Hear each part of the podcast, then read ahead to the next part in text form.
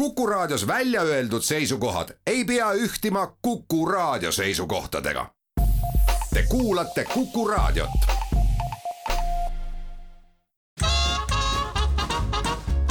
jäljed gloobusel tere, saavad öelda teile üheksateistkümnendat korda Kuku raadio stuudiost Väino Laisaar ja Andres Karu. suur tere. Jäljak gloobusel, loomulikult nagu kõllis kuulsite, on selle saate nimi. Ja meil on siis komme käia erinevates riikides kolamas, need riigid asuvad gloobuse erinevates punktides. Ja hea meelega me Väntsiga siis vahendame neid jutte teile ka päris tore seeria oli meil nüüd, polnudki varem seda juhtunud, et kolm saadet järjest räägiks ühest ja samast riigist, aga Iraaniga nii läks. kuidas täna läheb, ei oska ette ennustada, kuid mingis mõttes me vähemalt oleme teinud eeltööd selle koha pealt, et,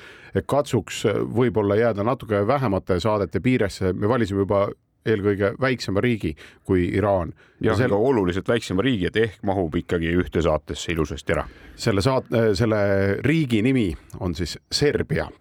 Serbia, ma ei tea, Väints, mis sul esimene asi on üldse, mis Serbiaga pähe tuleb? no Serbiaga on esimese asjana tõenäoliselt tuleb pähe minu suutmatus sinna varasemalt mitte pihta saada. et küll ma olen proovinud talle pihta saada siit ja sealt ja ma olen seal Balkani poolsaarel üsna palju ringi sõitnud, aga mingil põhjusel kuni kahe tuhande üheksateistkümnenda aastani olid kõik minu rajad sellest Serbiast mööda läinud ja, ja see kipitas hirmsat moodi ja, ja tegelikult on täna äh, Äh, olukord selline, et mul on veel, kui ma nüüd vaatan oma käidud riikide tabelit, äh, siis kolm Euroopa riiki käimata ja üks nendest on äh, kohe sealsamas kõrval ja kannab nime Kosovo nii et selle piirile ma olin juba nii lähedal siin kahe tuhande kahekümne esimesel aastal, et kui ma oleks auto ukse lahti teinud ja jala välja pannud, siis ma oleks olnud Kosovos. aga kuna see niikuinii arvesse ei oleks läinud, siis ma ei hakanud ennast sellega narrima. nii et Kosovo ja Serbia on kaks sellist riiki, mis väga nii-öelda viimase hetkeni on äh, hoidnud ennast minu radarilt kõrvale, aga Serbia on nüüd ära võetud ja Kosovo ootab veel oma aega. kusjuures äh, mingis suhtes tunnen sarnasust, sellepärast et kui ma, kui mõtlen nagu Balkani peale, mina sattusin küll Serbiasse esimest korda nagu kahe tuhande kaheksandal aastal, tiba varem on ju üksteist aastat, aga siis täpselt samasugune tunne, et nagu Serbia kuidagi, et kui sa mõtled Balkanile, siis eelkõige tulevad millegipärast Horvaatia on ju, Sloveenia ka on ju mingis mõttes. Ja siis mõtled juba selle pool poolsaare nagu teisele poole, see Kreeka ja Bulgaaria ja kuidagi need nagu. Ja, ja kui juba edasi mõelda, edasi jõudnutele millegipärast tulevad need Montenegrod ja, ja Makedooniad ja kõik tulevad nagu varem, isegi Bosnia ja Albaania tulevad kuidagi varem kui Serbia, et selles suhtes sinuga absoluutselt nõus mis see riik siis, me ütlesime, et ta on Iraanist tublisti väiksem, me ei valetanud, mis tal need numbrid on, palju rahvast, palju pindala? ja pindala poolest on ta ikkagi suurem kui Eesti, seitsekümmend seitse tuhat nelisada viiskümmend kolm ruutkilomeetrit ja mm, -hmm. ja kui meil elab selle pisikese neljakümne viie tuhande peal üks koma kolm miljonit inimest, siis neil on sinna suurema riigi peale pressitud üheksa miljonit inimest, mis tegelikult on päris palju. aga, aga noh, selle, seda võimaldab kindlasti see, et suur osa Serbiast on ikkagi selline noh, lame maa. see nii-öelda eh, idapoolne või õigemini läänepoolne külg on siis see mägine ja lõuna poolt läheb samamoodi pealinnast eh, Belgradist alates mägisemaks. aga ülemine pool on, nii palju kui mina seal käinud olen, siis küll selline täiesti sile põllumaade lõputud rajad mm. -hmm minul oli serblastega kohtumisi mitmeid juba enne seda, kui ma Serbiasse üldse jõudsin ja olgem ausad, noh, see teadmine ka nagu Serbia kohta oli selline, et noh, e-, esimene asi, mis sa ikka nagu öeldakse Serbias, siis üks esimesi asju minul ikkagi tuleb nagu Slobodan. Slobodan Milošević ehk siis kunagine Jugoslaavia ja Serbia president ja mis iganes ta seal oli, e, pidevalt ju vahetusid need, et kust piirid läksid mis kord oli, kes mida valitses et tulevad meelde sellised noh, sõjaajad on ju see, et jube rabelemine oli, ma mäletan eriti hästi seda äh, nii-öelda milleeniumi vahetuse kanti jäänud Kosovo neid jamasid nii-öelda halvas mõttes Kosovo jamasid. et just seda, kuidas ikkagi Serbia oli see nagu niisugune noh, ilmselgelt nagu agressori rollis tundus, kuigi noh, jällegi me ei ole mingid eksperdid, on ju, ja mi, mi, mina kaugeltki mitte ekspert, on ju, siis Väint, sina võib-olla oled, on ju, noh, poliitikas ja niimoodi, on ju. no pigem ja, mitte, jah igatahes, aga ilmselgelt jäi nagu see Serbiast nagu selline agressori mulje Nad ise väidavad muidugi vastupidist, et just albaanlased on need, kes seal Kosovo aladel on ju kõik tüli üles kisuvad ja nii edasi. Ja siis kuidagi nagu see, et igatahes mäletan seda, kuidas NATO sekkus, kuidas ÜRO ütles, et ei, ei, ei ja vahepeal pommitati seda Serbiat. Ja siis mingil hetkel mingil hetkel nagu noh, Serbia umbes ütles, et okei okay,, on nii, nüüd me, me enam ei jama nendega, aga autonoomiat see Kosovo ka ei saa ja, ja siis mingil hetkel oli see, et kuule, aga proovime ikka, teeme ühe väikse etnilise puhastuse ka, onju, ikka sealt Kosovo aladelt nagu kõik albaanlased välja. ja, ja ma ütlesin edasi, mis tõi siis selle, et rahukaitsjad olid riigis ja ja, ja ma, ma ei tea si, siiamaani ei ole Kosovos küll minu teada on siiamaani eh, mingit, mingit otsapidi rahuvalvajad veel alles mm. -hmm. ma jäin praegu sinu juttu kuulates ja eelnevat juttu äh, kuulates mõtlema seda, et, et võib-olla see, et sinna sellele Serbiale väga niimoodi pihta ei ole saanud, on see, et tegemist on taas ühe sellise ilma merepiirita riigita ja, ja eriti just need piirkonnad, kus ringi saab hulgutud mingil põhjusel need meie inimesed või vähemalt ma nagu enda äh, tegemiste järgi vaatan, olen ikkagi sattunud suuresti nendesse piirkondadesse, kus on noh, mingisugune vee juurdepääs on ju. ja, ja samamoodi näiteks siis noh, selle Serbiaga, et, et kõik need Horvaatiad ja, ja muud asjad said seal ümber ära käidud ja see siis istus sellise üksiku künkonna keset seda ja ta, ja ta ei ole ka selline klassikaline Poola, millest ükskõik kuhu minnes tuleb läbi uhada, on ju, et, et, et noh, sealtkaudu ainuke koht, kuhu kõige otsemini saab sõita, on äh, Kreekasse ja, ja noh, ümberringi on tal siis niimoodi, et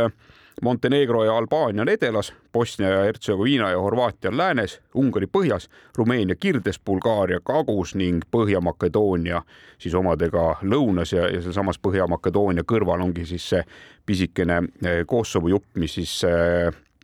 kui ma nüüd ei eksi, siis kahe tuhande kaheksandal aastal seitsmeteistkümnendal veebruaril ütles eh, siis nendele Serbia härradele, et kuulge mehed, et aitab küll. puhake jalga. jah, et meie lähme nüüd teeme omaenda asju ja, ja nad selles mõttes on nagu eh, osaliselt ka õnnestunud, sest hulk erinevaid maailma riike on neid tunnistanud, Eesti kaasa arvatud. aga Serbia nende tunnustajate hulgas noh, selgelt ei ole no ja päris, et nii-öelda Kosovo minu teada ikkagi ÜRO riikide nimekirja ei kuulu paraku, et siis nad on sellest ikkagi väljas ja loetakse nagu veidikene siiski eripiirkonnaks. no kuidas keegi võtab, jätame selle vabaduse, eks mina, igaüks teeb omad nimekirjad ja suhtub riikidesse, kuidas tahab, onju, et neid vaidluskohti on ju tegelikult üle maailma nii palju. mul enne, kui ma rääkisin sellest mõttest, mõttest, et ma olen mingite serblastega enne kohtunud, siis kusjuures sellist sõjakust nagu neist õhkub küll et ma olen nendega kohtunud just seal ümber Serbia nendes samades riikides, mida sa oled nimetanud ja seal ka, et tulevad vastu, näed, Serbia number on ju, tulevad niisugused vennad veel, nad on hästi niisugused, noh, neil on seda slaavi verd ja seda kõike värki ja nad on niisugused noh, räägivad, aga silmis on nagu näha, et noh, ära, ära mulle halvasti ütle, ära mulle halvasti ütle ja igaks juhuks mul on seal pagassis on üks asi ka onju, et millega lahendada tülisid. Ja, ja olen kuidagi nagu noh, jah, niisuguse ettevaatlikkusega suhtunud eh, Serbia härrastesse, eriti kui nad kuskil nagu nagu to toimetavad ja, ja minu jaoks nagu see, et noh, hästi paljudel oli vot nüüd selle Ukraina konflikti nagu taustal see, kuidas Serbia ju mingites, mingitel hetkedel on täiesti võtnud nagu Venemaaga nagu sama positsiooni või õigustanud nende mingeid asju või noh, lubanud neile nagu rohkem mul ei ole seal mitte mingisugust üllatust, sest minu jaoks on see nii loogiline, sest kui Euroopas mõelda, kes siis veel on ju, et mul isegi nagu Ungari on nagu mingis mõttes nagu suurem üllatus kui Serbia näiteks, et see mm, -hmm. et Serbia nagu toetab Venemaad, venelasi, see on, see on kuidagi hästi loogiline. ma, minu jaoks ei ole seal, nad on üsna sarnased, mis muidugi ei kõla praegu serblaste suhtes eriti nagu noh, nõnda uhkust lisavalt eh, nendest, nendest rääkimisse, aga, aga jah, et aga sisu neil on, seda ma võin öelda ja kuidagi, kuidagi noh, seda peegeldub ükskõik kasvõi, kasvõi spordis, et noh, see üks asi, kuidas nad nagu kaasa elavad, on üks pool, aga teine asi on ka see, et nad ikka jõuavad nagu kaugele, noh, ta ei ole küll hetkel esireket, aga ju Djokovicki, meie tennise esinumber olnud nagu kuid ja kuid ja võib nimetada aastaid ja aastaid onju ja võitnud suure slam'i turniire korduvalt. No vot, et sellised, sellised tüübid nad on ja, ja aga me, me võime nüüd hüpata ju siis kohe ka, et lõpuks ju ikkagi selle Serbia piirid meile avanesid et kuidas, kuidas see nagu juhtus, me muidugi ei saa, saa sellesse kohe väga sügavalt sisse minna, sest aeg nõuab esimest pausi, aga ma küsin, et kui sa kaks tuhat üheksateist, sa ütlesid jah, seal käisid, kus poolt sa sisenesid? mina sisenesin Kreeka poolt ja, ja tegelikult meil oligi üks reisisarja tegemine lõppemas Kreekas ja, ja siis mul avanes võimalus kõige otsemat teed sealtsamast Thessalonikist enam-vähem kohe otse põhja poole kütma hakata. aga noh, sellest jõuame rääkida siin järgmises sektoris. ma igaks juhuks ütlen veel selle ka veel ära, et kaks tuhat üksteist või tähendab kaks tuhat kakskümmend üks ja kaks tuhat üheksateist on siis need aastad, millal eh, mina olen Serbiasse sattunud ja, ja kui sa siin rääkisid sellistest sõjakatest, sõjakat moodi inimestest, siis näiteks minu enda isiklikud kogemused on siiamaani lasknud serblastel küll paista kui sellised äärmiselt sõbralikud ja, ja, ja külalislahked inimesed. Jah, nii võib juhtuda, kui sa lähed riiki sisse ja veedad nendega natukene kauem aega koos, siis võib sealt maski tagant tulla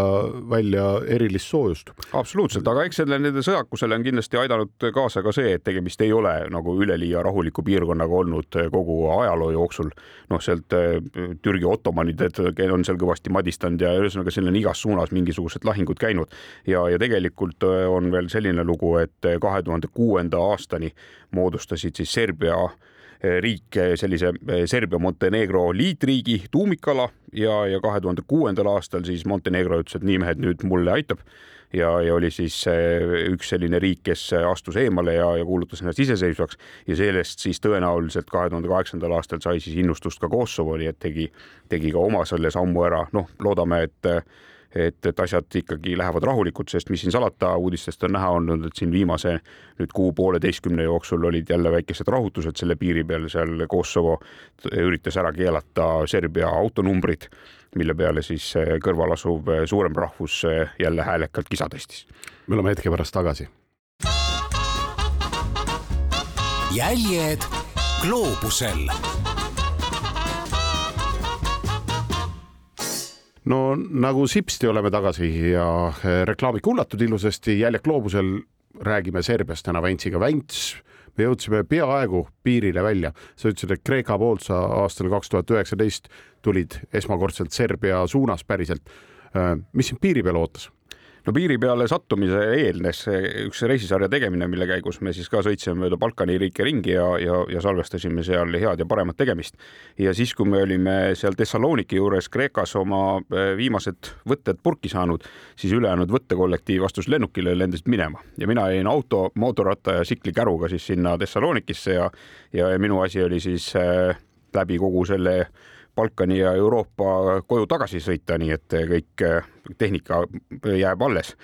Ja, ja mis muidugi oli kerge möödalaskmine, oli see, et, et kui sa juba niikuinii toredate inimestega reisid mööda Balkani riike, kus siis eh, noh, tuleb tunnistada, on väga soodsalt veini saada, siis loomulikult me olime kokku ostnud ja sinna sellesse tsiklikärusse mootorratta ümber pakkinud ka meeletus koguses veini ja, ja panin siis sihi paika, et hakkan siis kütma ja, ja esimesena kohe, kui jõudsin eh, põhja poole sõites eh, toonase Makedoonia piirile, mis tänaseks on nüüd ümber nimetatud Põhja-Makedooniaks, siis selgus, et ma tegelikult eh, lahkun koos kõikide nende asjadega, lisaks veel mustmiljoni veinikastiga Euroopa Liidust ja, ja sisenen riiki, mis vastab võib-olla teistsugustele kaubandusnõuetele ja, ja reeglitele kui, kui see, millest ma tulen ja, ja seal piiri peal siis äh, küsis piirivalvur mu käest, et äh, mis sul seal kärus on, ma ütlesin, et mul on seal mootorratas. silmad läksid põlema, küsis, noh, kas BMW? ma ütlesin, ei ole, et Honda Africa Twin. ahah, no selge, eks sa siis sõida edasi ja hmm., ja, ja keegi ei, ei palunud õnneks seda äh, käru lahti teha. ja, ja kui see pisike riik läbitud sai, siis olingi suure Serbia piiri peal ja, ja, ja noh, suurel riigil ikkagi on nagu jõudu seda piirikontrolli ka nii-öelda nagu tõhusamana hoida ja seisin pika järjekorra ära siis oma autoga ja sikkel ja käru ja kõik seal taga ja, ja hunnik veini. ja piirivalvur küsib, et noh, selge, et tuled Kreekast ja, ja lähed koju ja et, et mis sul seal taga on, ütlesin, mul on seal ikkagi jälle üks mootorratas. ja siis äh, piirivalvur jälle ütles, no kas on siis ka BMW või? ütlesin, ei ole, et Honda Aafrika Twin on ikka. ahah no selge, aga siis juba paluti kuut lahti ka teha, tegin kuudi ukse poolest saadik lahti selle sikli haagise, et, et poole peale tõusis nii kaua, kuni mootorratta tagaratas hakkas sealt paistma ja piirivalvur siis ütles, et kuule, aga selge pane kinni ja kaunist teed, et, et sõida siis turvaliselt. et, et oleks selle luugi päris lahti saanud, noh siis oli nii, et meil need veinid kõik olid sinna mootorratta ette ossa laotud, nii et sihuke poole, poole mootorrattani ulatusid, et, et, et üks selline väike möödalaskmine. Ja, ja noh, imekombel sain jälle sisse ja, ja siis muidugi suurem äh, harjutus eh, oli see, et, et see peale Serbiat oli ju vaja uuesti Euroopa Liitu tagasi saada, et Ungari piir oli vaja ületada ja, ja siis ma kujutasin ette, et noh, tavaliselt on ikkagi niimoodi, et kui sa nagu mingist majandustsoonist tuled ja ja, ja tuled sinna Euroopa Liidu tagasi, noh, ma olen ju loopinud seal Valgevene piiri peal igasuguseid vorste ja konserve ja mingisuguseid saiasid, mis on veel reisist autosse jäänud, kõik prügikotti või prügikastidesse minema, et, et siis Euroopa Liitu tagasi saaks, siis eeldasin, et seal läheb samasugune arapp lahti ja, ja oma suureks üllatuseks kogu see piiripunkti ületamine või piiri ületamine toimus täpselt samamoodi nagu kaks eelmist küsiti, et mis mootorratas sul on, ütlesin, et mul on ikkagi Honda seal, siis löödi käega, öeldi, et kuule, aga küta siis koju ja, ja ole, ole siis tubli. küll aga ma pean ütlema, mis see esimene kogemus mulle sellest Serbiast andis, oli, oli tõenäoliselt kõige suurem käär esmakogetu ja teise kogemuse vahel. et see esimene kogemus oligi niimoodi, et sa sõidad põhimõtteliselt mööda seda põhimaanteed sealt riigi altotsast ülesse välja, tee ääres sul peaaegu mitte midagi ei ole. vähemalt esimene osa oli veidi künklik ja mägine, aga siis, kui sa juba põhja poole jõuad, sealt pealinnast edasi on see lauskmaa täiesti sile ja, ja mitte midagi ei toimu, käi ainult tankimas ja, ja ka muudkui aga küta. ja mulle jättis see esimese hooga sellise mulje, et tegemist ei ole võib-olla nagu sellise riigiga, kuhu tahaks järgmine kord minna tagasi ja, ja veel urgitsema aga kui nüüd kahe tuhande kahekümne esimesel aastal sai mindud eh, ja natukene suurem ring seal tehtud või noh, oluliselt suurem ring tehtud ja mägedesse välja jõudnud, siis, siis tegelikult eh, pean täna tunnistama, et on ikkagi tegemist äärmiselt eh, huvitava ja toreda riigiga, kuhu kindla peale kuna ta on ka nii lähedal siit Eestist autoga minema hakkamiseks, siis, siis tasub sinna tagasi minna ja, ja, ja kolistada kogu see mägine piirkond läbi. Ma kogu aeg ootasin seda, et vaata, et nagu noh, kui teatakse, et Kreeka poolt keegi tuleb, et siis nagu niipea, kui, äh, kui, kui nähakse, et sa tuled Kreekast, siis seisab piirivalvur avajaga, seisab juba nagu piiripunktis, aga, aga seda ei tulnud jah? ei, avajaga ei tulnud küll, aga mul tuli praegu meelde, et mul tegelikult oli see, et, et kui ma olin sinna äh, noh, enda jaoks selle plaani paika pannud, et mul on aega Eestis sõita küll, mul kuhugi kiiret pole, et ma siis võtangi neid väikseid riike ära, et mul oli siis äh, ma, see Makedoonia, tänane Põhja-Makedoonia oli veel käimata, mõtlesin, käin seal, siis võtan Kosovo ära, on ju, siis võtan selle käin veel seda Serbiat urgitsen, sõidan siia-sinna, vaatan mingeid linnasid, aga ajakava lihtsalt läks nii palju natukene nässu, et, et ja, ja mingil hetkel sai selgeks, et kui ma tahan eh, minna Kosovosse ja sealt Serbiasse sõita, siis piiri peal väga suure tõenäosusega ootavad eh, mind ees sekeldused, sest eh, Kosovo piiril Serbia piirivalvurid juba suhtuvad minusse kui piiririkkujasse, et ma olen iga ilma igasuguste templiteta saanud nii-öelda nende nende tunnustamata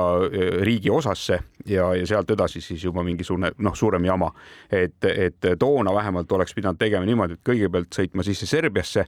saama oma templid ja asjad passi, noh, vormistama ennast sinna Serbiasse, siis sõitma Kosovo territooriumi peale ja siis sealt juba välja tulles eh, oleks olnud nii-öelda nagu õige mees, et keegi ei oleks hakanud piiri peal mööda nööpi eh, üles roni, ronima ja, ja mingisuguseid eh, arveldamisi nõudma seal. aga, aga kuna see ajaarvestusega natukene läks midagi nihu, nii et ma, ma enam ei jõudnud Serbia kaudu seda templi korjamise ringi ära teha Eh, kuigi nüüd ma olen vaadanud eh, kaardi pealt, et tegelikult üks sihuke mõnus mägitee oleks kohe peale piiriületust Serbiast läinud ka eh, sipsti sinna Kosovo poole peale. Eh, aga no vot, see on nüüd siis see esimene põhjus, miks see Kosovo mul eh, võtmata jäi ja miks ta mul siiamaani eh, hinge peal kripeldab. ma just tahtsin öelda, et ikka päris hinge peal on sul see Kosovo nagu, et nagu räägid ikka minuteid nagu sellest, kuidas sa ei saanud Kosovosse. aga väga hea, õnneks sinu partner siin on käinud Kosovos mõned korrad ja, ja võib juttu rääkida ka Serbiast. ma, ma hüppan ka piiri peale.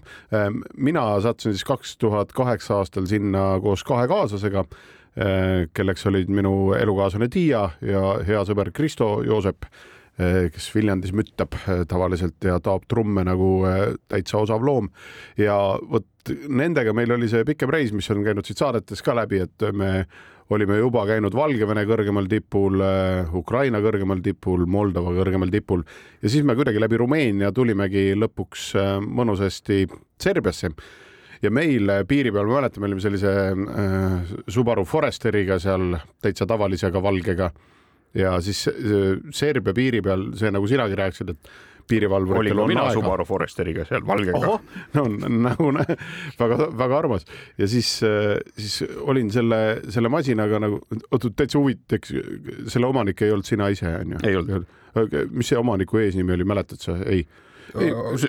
Las ta olla, las ta jääb, olgu, mul tekkis nagu see juba, et huvitav, äkki me laenasime sama mehe käest nagu eh, samasse riiki minekuks masin, aga las ta jääb. igatahes eh, tervitused Kuitsile siit ja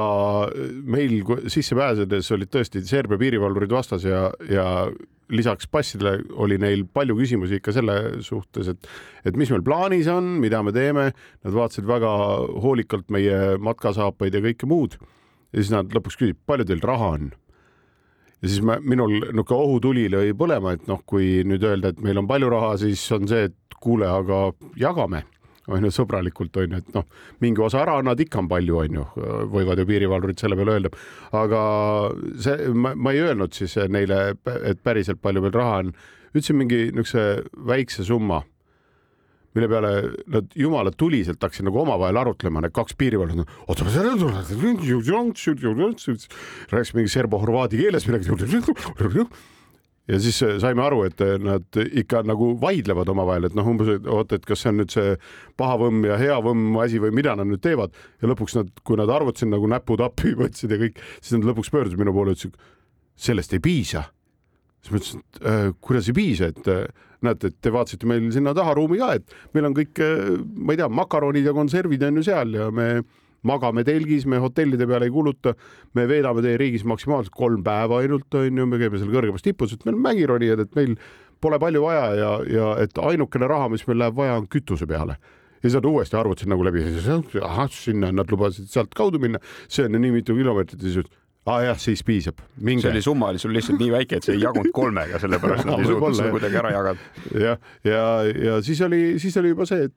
te- tere tulemast ja saime, saime nagu riiki sisse. minul esimene mälestus muidugi selle riiki nagu teede koha pealt oli see, et teedel polnud nagu viga midagi, aga silt oli pagana vähevõitu, ma ei tea, kuidas üksteist aastat hiljem oli, aga mina mäletan, et kogu aeg oli mingi jama see, et tuli küsida, jälle kuskil seisma jääda ja küsida, noh, mis ei olnud meile midagi võõrast, aga aga jah, et selliste nagu hullult reguleeritud liikumist seal ei saanud nagu või nojah, samas ta avas nagu tee suhtlemiseks kohalike elanikega, mis oli jälle nagu tore ja, ja, ja eriti nad keelt ei oska, seda ma, see jäi mulle ka nõnda algusest nagu kuidagi, kuidagi meelde. jah, me proovisime ise ka seal kohalike külainimestega, noh, kuna me kohalikku keelt ei rääkinud, siis pusida nii inglise keeles ja vene keeles, aga, aga ma pean ütlema, et pigem nagu sai vene keeles hakkama või siis lihtsalt käte-jalgadega vehkides ja ja erinevaid eh, nägusid tehes, et, et, et selles osas oli küll, et neid, kes nagu reaalselt eh, inglise keeles olid valmis vastama, noh, neid oli ikkagi käputäis me me kindlasti noh, ega mina ei saa kunagi ilma selleta, me kindlasti räägime ka Serbia naistest mingil hetkel, aga me, kuna ma lühemalt saan rääkida Serbia meestest,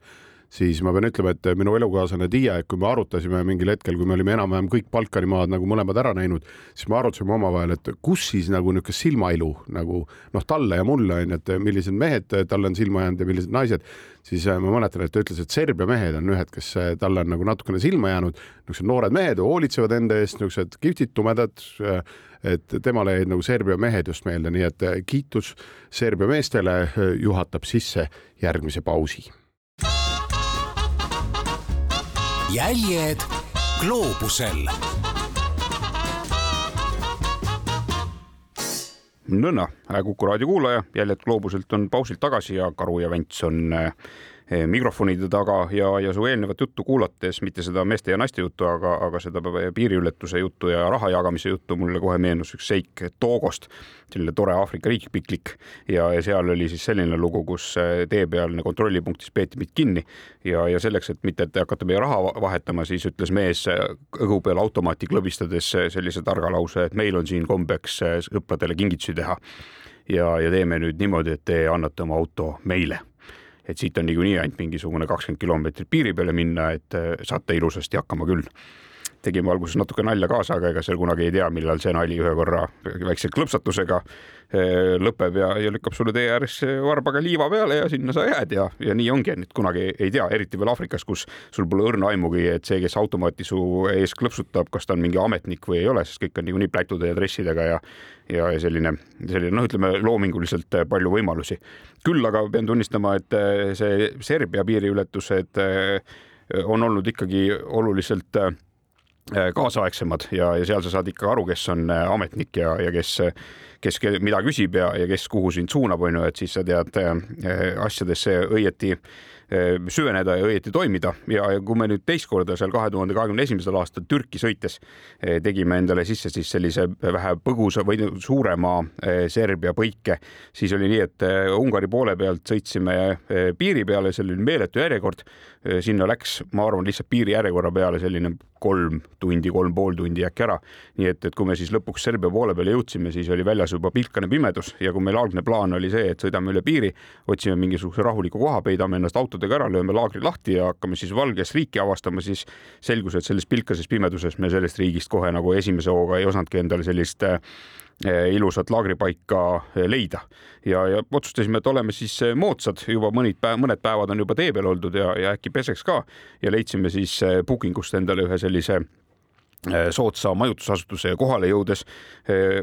me jõudsime vist ikka mingi pool üksteist sinna õhtul kohale. tuli unise näoga proua, küsis, et mis tahate, ütlesime, et ööbimise panime endale booking'u kaudu, et me elame siin teie juures nüüd täna ta ütles, ahah, selge, noh, tulge siis edasi ja, ja siis küsisime, et kas siis süüa või juua ka midagi pererahvale äkki on pakkuda, et äkki mõni veinimaa või midagi, siis perenaine ütles, et oota-oota. et või tähendab, noh, mitte ei öelnud, rääkis oma keeles, ütles oma keeles, aga, aga meie jaoks see lihtsalt kõlas niimoodi, et ma toon kohe vanamehe ja meil on keldris veini, veinikelder, et ta teeb siis teile degusteerimise ja, ja siis saate oma õhtuse aklimatiga alustada ja siis natukese aja pärast oligi peksnud kuskilt magamiskohast üles koha peremehe, selline mõnus niisugune kuuekümne viie, seitsmekümne aastane vanamees, uni oli veel suuremalt silmas, vedas endale mingi kitli selga, kutsus meid siis sellesama maja alla veinikeldrisse, ladus laua peale kaheksa erinevat jooki, mida ta seal kohapeal valmistas ja, ja siis hakkas järjest degusteerimine pihta. saime maitsta kõikvõimalikke erinevaid veine, mida tehti ja, ja hommikul, kui ära sõites või noh, hommikul üles ärkasime, siis nagu hakkas kogu see. mulle meeldib see hüpe praegu nagu see ja siis hakkasime veine maitsma ja hommikul, kui ära sõitsime, on nagu järgmine no, tegemist oli pikk protsess ja tegemist oli ka täiesti sellise eh, otsast lõpuni serbiakeelse protsessiga, et mees muudkui aga seletas serbia keeles mingitest veinidest, rääkis mingeid asju, meie noogutasime, maitsesime ja ja, ja selle asemel, et klaasipõhjad ära valada, siis ikkagi valasime need endasse, sest kuumad päevad olid jätnud oma jälje. ja noh, paratamatult oligi mingil hetkel ikkagi hommik käes ja, ja siis kogu see eh, veinimõis, kuhu me olime magama sattunud, avas ennast kogu värvilisuses ja, ja kogu suuruses. et tegemist oli sellise noh, meeletult suure kompleksiga ümberringi, kui ma seal drooniga veel hommikul lendasin, siis kõikvõimalikud need viinamarja istutused igasugustesse, istandused igasugustesse ilmakaartesse jooksid laiali ja maja ise oli siis selline noh, nagu mingi muinasjutu loss, sihuke hästi värviline ja, ja, ja hästi tore tore kogemus. leia mind Bookingust. no nagu, absoluutselt ja, ja kui ma siis veel hiljem guugeldasin seda meest, kes meile seda veinikoolitust seal tegi ja kelle juures me siis parasjagu ööbinud olime, siis tuli välja, et tegemist oli mingisuguse väga kuulsa Serbia veinitöösturiga, kes siis selliseid hästi kvaliteetseid veine teeb ja kes on saanud sealt ka mitmeid erinevaid auhindasid. pean siinjuures tunnistama, et need veini nimed on kõik koos maitsetega meelest ära läinud hmm nojah, ma ikkagi laseksin veel meeskuulajatel oodata seda, enne kui ma hakkan nagu Serbia naistest rääkima, aga ma mõtlesin, et minul on ju alati üks eesmärk riiki külastades võimalusel käia ka seal kõrgemas tipus ära.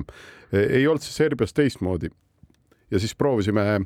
koos Tiia ja Kristoga siis ühel hetkel, et noh, udjame siis ennast siis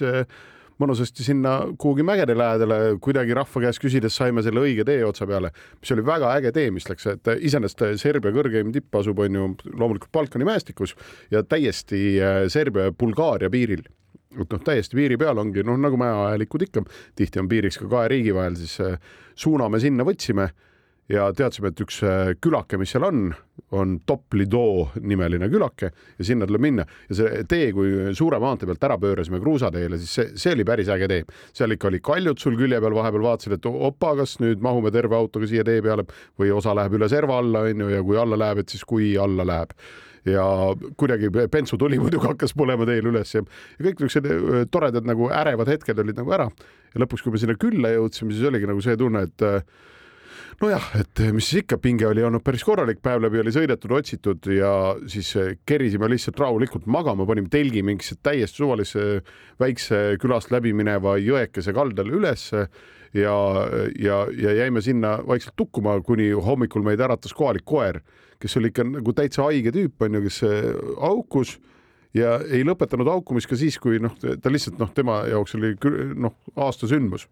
mingi telk oli tekkinud, onju, ja seest tõenäoliselt, kuna mina ka seal magasin, siis tõenäoliselt seest kostis ka lõrinat ja siis selle peale ta haukus ja haukus ja, ja üles ta mind sai. teised jäid magama, vaatasin, nägi mind ära, ikka haukus edasi. ja siis ma küla peal uurisin natukene infot, et vot siin Mitsuri mäe tipp teil on siin lähedal, et kuidas sinna lähemale minna siis kohalikud rääkisid, no ma ei tea, et selle autoga ma ei tea, kas ikka saab ülespoole, aga muidu autoga saab lähemale, et seal üleval meil on mõned suusanõlvad ja värgid ja seal tehakse mingit keskust, et sinna saate kuhugi sõita ja natuke tuleb jala käia ka, aga mitte palju no ja siis äh, selle teadmisega, et auto, autoga on vaja edasi minna, oli minul järgmine käik see, et ma pean ikkagi käima kütust ostmas. jätsin siis oma kaaslased sinna rahulikult puhkama, õigemini ei jätnud, vaid ajasin nad üles ja ütlesin, et kuulge, et ma lähen nüüd panen paagi täis, sest me sõidame autoga edasi ja praegu on all, alla mäge saan ehk jõuan isegi bensujaamani kohale, bensujaamani kuni enne, kui paak täitsa tühjaks saab. ja tehke seni süüa ja oodake mind siis tagasi. ja siis äh, samal ajal, kui mina sõitsin äh, mäest allapoole, nemad rahulikult käisid seal jões pesemas, suhtlesid kohalikega, kes keegi muidugi mingit keelt ei rääkinud, aga nad nii ilusti kirjeldasid nagu mulle ka seda, kuidas nagu oli üks äh, naabrimees nii-öelda, kelle noh, hoovi lähedal me olime seal telkinud, siis tuli see naabrimees kõigepealt rääkis neile pikalt äh, säraval silmil serbo-horvaadi keeles midagi, siis tuli tema naine ja ühel hetkel nagu Tiia said aru, et äh, ta räägib oma mehest, sest kogu aeg osutas oma mehele ja rääkis nagu nii südames, silm oli märg olnud ja nagu rääkis, kui hea mees tal on, onju, või noh, võib-olla ta rääkis, et noh, kui haige ta mees on või mis iganes, onju, aga silm oli märg, onju, et noh, kohe on minekul, me ei tea, aga igatahes noh, hästi südamest nagu rääkis ja siis äh, kõiki küla, külalugusid ka noh, et käteviibete järgi oli aru saada, et terve küla ajaloo rääkis ära, midagi suurt aru ei saanud ja selle aja peale mina olin siis paagi täis saanud, tulnud tagasi, pakkisime laagri kokku ja tõmbasime siis ülespoole. ja jõudsimegi noh, ilusti sinna harja peale välja, kust oli vaja nagu varsti siis eh, nagu sammuma hakata. ja tegelikult midagi keerulist selles mõttes ei olnud, et eh, kui me lõpuks nagu tipu saime teada, et milline tipp see harja peal on ikkagi, et mille suunas tuleb hoida, et paar tundi oli sinna ikkagi nagu vaja ka sammuda, siis äh, meil niisugune pidurdav hetk üks oli või niisugune armsam oli see, kuidas ühel hetkel hakkasid mingid lehmad vastu tulema, oli nagu selline tee ka, mida mööda võib isegi nagu sõita väiksema mingi masinaga. siis tulid nagu lehmad ja kuna nõlv oli nagu üsna niisugune järsupoolne, siis kui me neile kolmekesi vastu läksime, siis lehmad jäid nagu seisma ja mõtlesin, et aa, selge, karjused ajavad meid tagasi, pöörasid otsa ümber, hakkasid minema nagu tagasi. Ja me siis kõndisime nende järgi, et no mis ikka onju, rüselesid seal meie ees onju, osad pöörasid ümber, osad ei tahtnud. tekkis erinevaid mõttevahetusi lehmade vahel ja siis hakkas mingi serbo-horvaadikeelne nagu sõim kuskilt kaugelt-kaugelt teiselt nõlvalt ja siis nägime karjus koos oma viie koeraga, üks karvasem ja hullem kui teine ja see siis sõimas sealt eemalt ja siis me saime aru, et aa jah, et me nullime tema töö praegu ära, et ta on siin üksinda ajanud koos koertega onju seda karja alla. siis oli see, et me läksime kuidagi tee pealt kõrvale, ronisime nagu nõlvale ja siis kuidagi Tiia ja Kristo lihtsalt jäid istuma ja mina kaarega läksin kuidagi selle äh, karjuse juurde ja see mul on meeles nagu suhtlemine temaga just, mis oli täpselt selline, et et no mina läksin lähemale, panin kätt südame peale ja igatpidi nagu vabandasin nõnda noh, eesti, vene, inglise segakeeles, rääkisin talle, et me oleme ikka totud ja turistid ja mis iganes. ja tema samamoodi pani kätt südamele ja vabandas nagu kuule, et ma siin reageerisin üle ja et tõesti, tegelikult te olete toredad ja anna andeks ja tegelikult nende lehmadega ei juhtunud midagi. ja siis oligi, tulid teised ka minu juurde, siis juba küsis, kust te olete, Eestist, siis ta pani nii mõnusalt nagu nimetissõrmed pani nõnda kõrvuti kokku nagu, et moodustus nagu paar, ütles Eesti ja Serbia on ju, et me oleme ikka vennad ja ja meie noogutasime, et ja jah, ise mõtlesime, et noh, et tegelikult ei ole ju, aga noh, okei okay,, me võime ju noogutada. Ja kõik oli armas ja kinkis mulle paki suitsu ja Kristole kinkis pudeli vett veel on ju noh, niisugune kohtumine kolmekümne aastase äh, karjusega, kelle nimi loomulikult oli Zlatan, on ju, et see oli tore, aga paraku sellest tipujutust peab äh, jätkama siis pärast väikest pausi. jäljed gloobusel no nii, pausilt tagasi ja eh, ega siis pärast Zlataniga kohtumist eh, mõnusalt liikusime Mitshurri nimelise mäetipu poole edasi. kõrgust on tal eh, niisugune kaks tuhat ükssada kuuskümmend üheksa meetrit, et noh, täitsa normaalne. midagi keerulist ei ole, puhas trekking, niisugune betoonijurakas on seal tipus, mille juures saab ilusasti pilti teha ja meil Serbiaga nagu see, see jäigi, et noh tunne tekkis, Tiial oli vahepeal mingi logistikuna tekkinud mingi uus plaan, kuhu me liigume ja millegipärast oli see, et, et nüüd me läheme Makedooniasse ja Albaaniasse üldse ja siis meil tekkis see tunne pärast tipu võtmist, et me jõuame täna veel siit edasi. nii et tegelikult minu äh, see kokkupuude esimene Serbiaga piirdus kahe päevaga, ühe öö ainult seal kohapeal olime, sõitsime edasi, aga mida ma mäletan nagu teel kui me sealtsamast Toplitooni meile, sest Mägikülas käisime jões ilusti suplemas, leidsime niisugused looduslikud basseinid, kus sa viskasid oma riided ära ja rahulikult lasid äh, vett igale poole ja, ja pesid ennast mõnusalt puhtaks, onju. kui me olime selle ära teinud, siis külast läbi läksime, siis üks asi, mis meelde jäi, oli see, et neil on nagu niisuguse noh, mitte bussipeatuses, sest seal mingi buss ei käi, aga noh, mingi niisugune külakeskus või mingi teadete tahvel. teadete tahvel on täis äh, mingeid surmateadaandeid, kus mm -hmm. on siis teada antud, et vot äh, Zlatan Podrilovitš on ju, äh, suri ära siin neli aastat tagasi, kolmandal mail ja siis on alati ka selle kadunukese nägu, mis on nagu noh, tavalise A4 paberi peale musta tindiga, just musta tindiga nagu prinditud, et üsna morbiidne näeb välja. Ja siis terve see külakeskus on nagu see sein on neid surma surmakuulutusi täis, et siis äh, nagu mõtled, et okei okay,, on ju, sellest saab aru, et noh, mingi kellegi sugulane sa oled ju on ju, et kui, kui keegi ära sureb, on ju, et siis pannaksegi, et teised ka teaks, et kuule, oh, meil niisugune sugulane on läinud aga miks pagan peab neid nagu kuus aastat ja ma vaatasin, et kuue aasta tagused nagu kuulutused olid ka ikka veel seal üleval, tundus niisugune nagu milleks? no senikaua, kuni seina jagub, siis tasub hoida jah, huvitav, et tuul ära mul nii. et mälestus ei sureks. aga Väint, sinul on alati mingeid soovitusi ka, et kuhu siis Serbiasse sattunu peaks kindlasti minema sinu arvates? ja ma proovin siia viimasesse plokki nüüd ära vuristada neli kohta, mis meile tee peale jäi ja millega, millega noh, kuhu soovitan kindlasti minna, kui sinna satub. Eh, siis kui nüüd sellest pealinnast eh,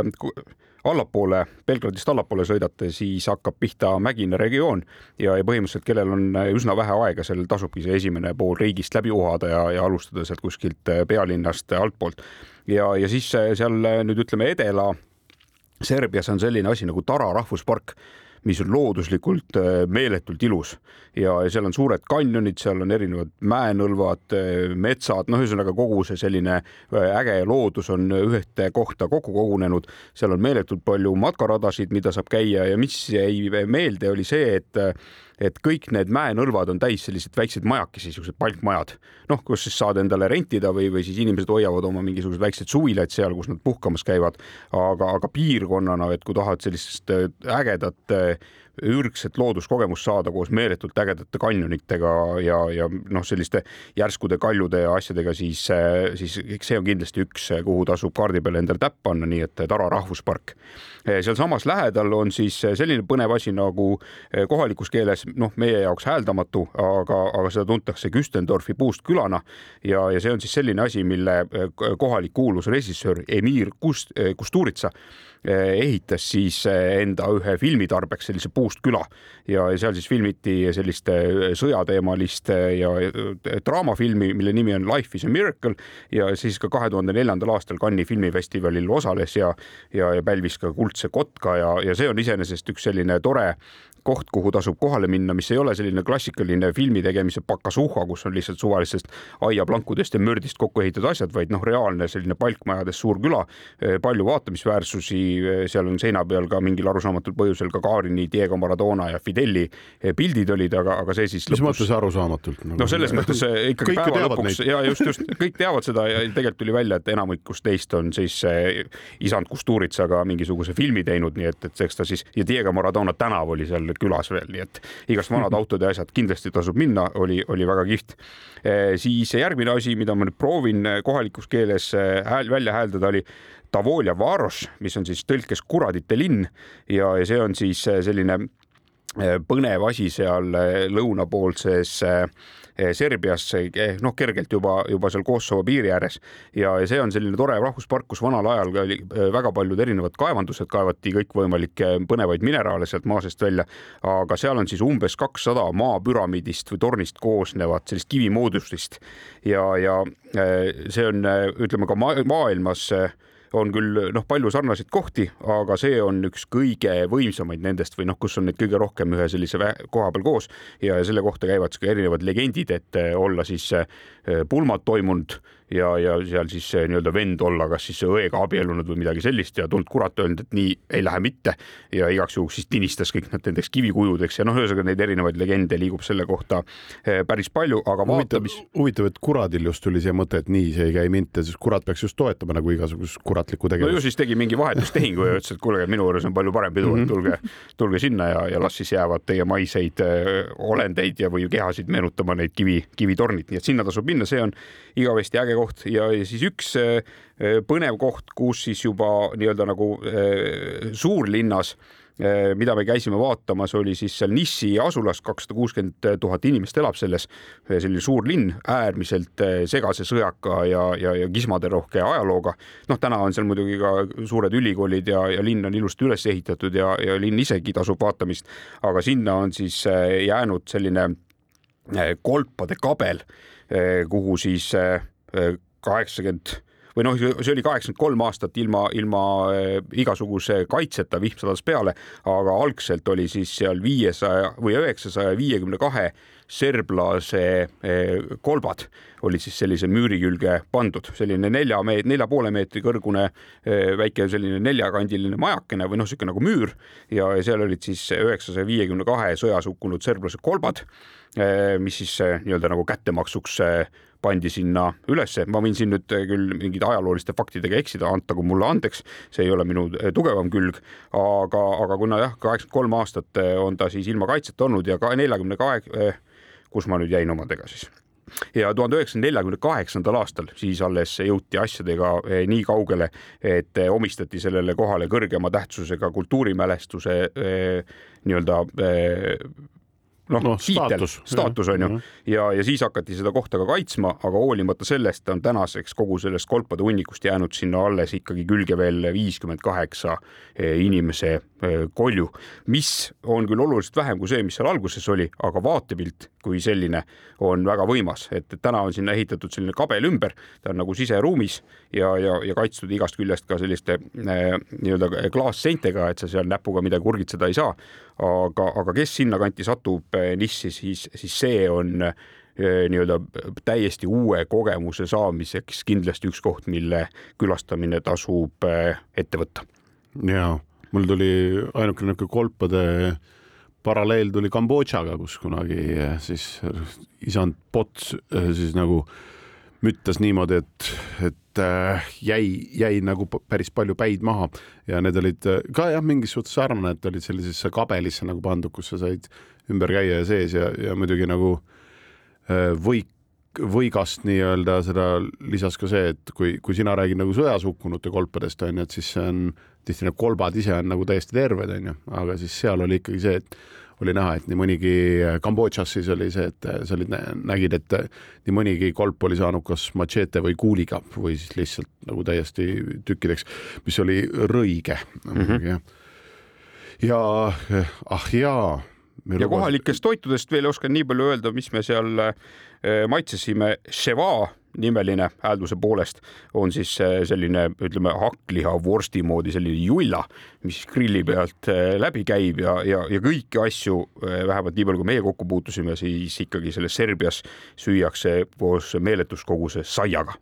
nii et eh, nii need hakklihajullad kui ka kõik ülejäänud eh, taimsed ja loomsed asjad serveeritakse alati mingi pätside viisi pehmete saiadega, mis on äärmiselt head.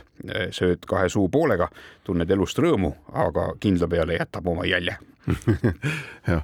ma lubasin naistest ka rääkida, ega, ega muud ei äh,, äh,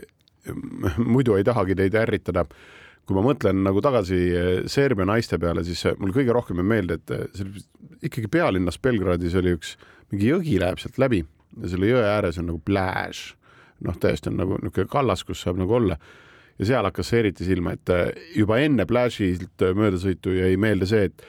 et äh, nad riietuvad tohutult hästi, et enne me rääkisime, et äh, Tiia ütles, et on, on ju mehed on täitsa nitšakad näevad välja nii-öelda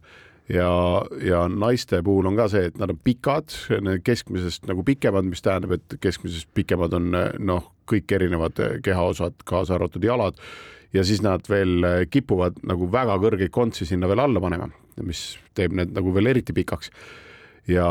nad tundub, et nad ei lähe, isegi kui nad lähevad pläžile päevitama, nad ikkagi soengut ja meiki ei unusta enne et nad hästi teevad ennast korda, ei ole mingit see, et ah, panen dressi jalga ja lähen käin ujumas korra jões ja tulen tagasi, et mis siis ikka. on ju, ei, no kõik on väga kihvt ja äh, Ablažil muidugi noh, natukene üle võlli ka see, et sa näed, kuidas seal nagu nii-öelda päevitavad, aga noh, alati nagu poos on väga hästi valitud, on ju, et äh, kustpoolt on ilusam mind vaadata ja kui keegi vaatajaid peaks pildistama, on ju, et, et kuidas ma siis sellele pildile nagu hästi jään. Aga noh, see ka, et mul on bikiinid seljas, aga ikka kõrge konts on jalas, mis oli minu jaoks nagu see, et no tüdrukud. vana hea no, liivajala nagu. jah, et siiamaani oli juba kõik oli väga okei okay,, et võib-olla seda, seda ei olekski enam vaja olnud, aga tõesti tohutult ilusad. et silm puhkas, võin julgelt soovitada, kes tahab, et silm puhkaks minge Serbiasse julgelt, meesterahvad just, just siis eriti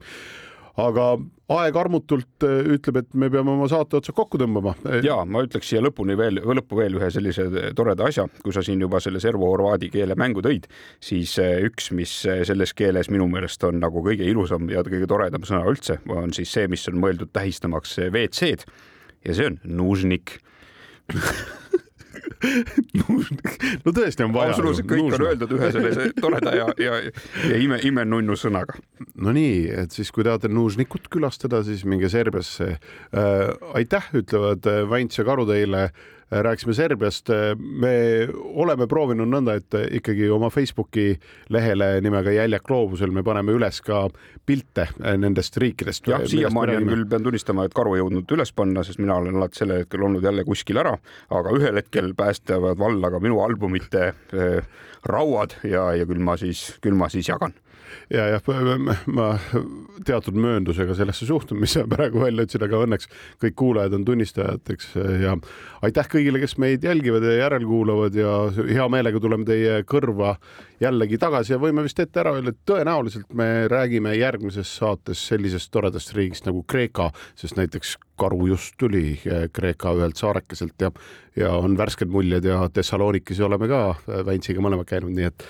kohtume jälle, järgmine saade on meil väike juubel, kakskümmend, nii et eh, suur tänu kõigile kuulamast. väga mõnus, püsige avarad ja kuuleme jälle. jäljed gloobusel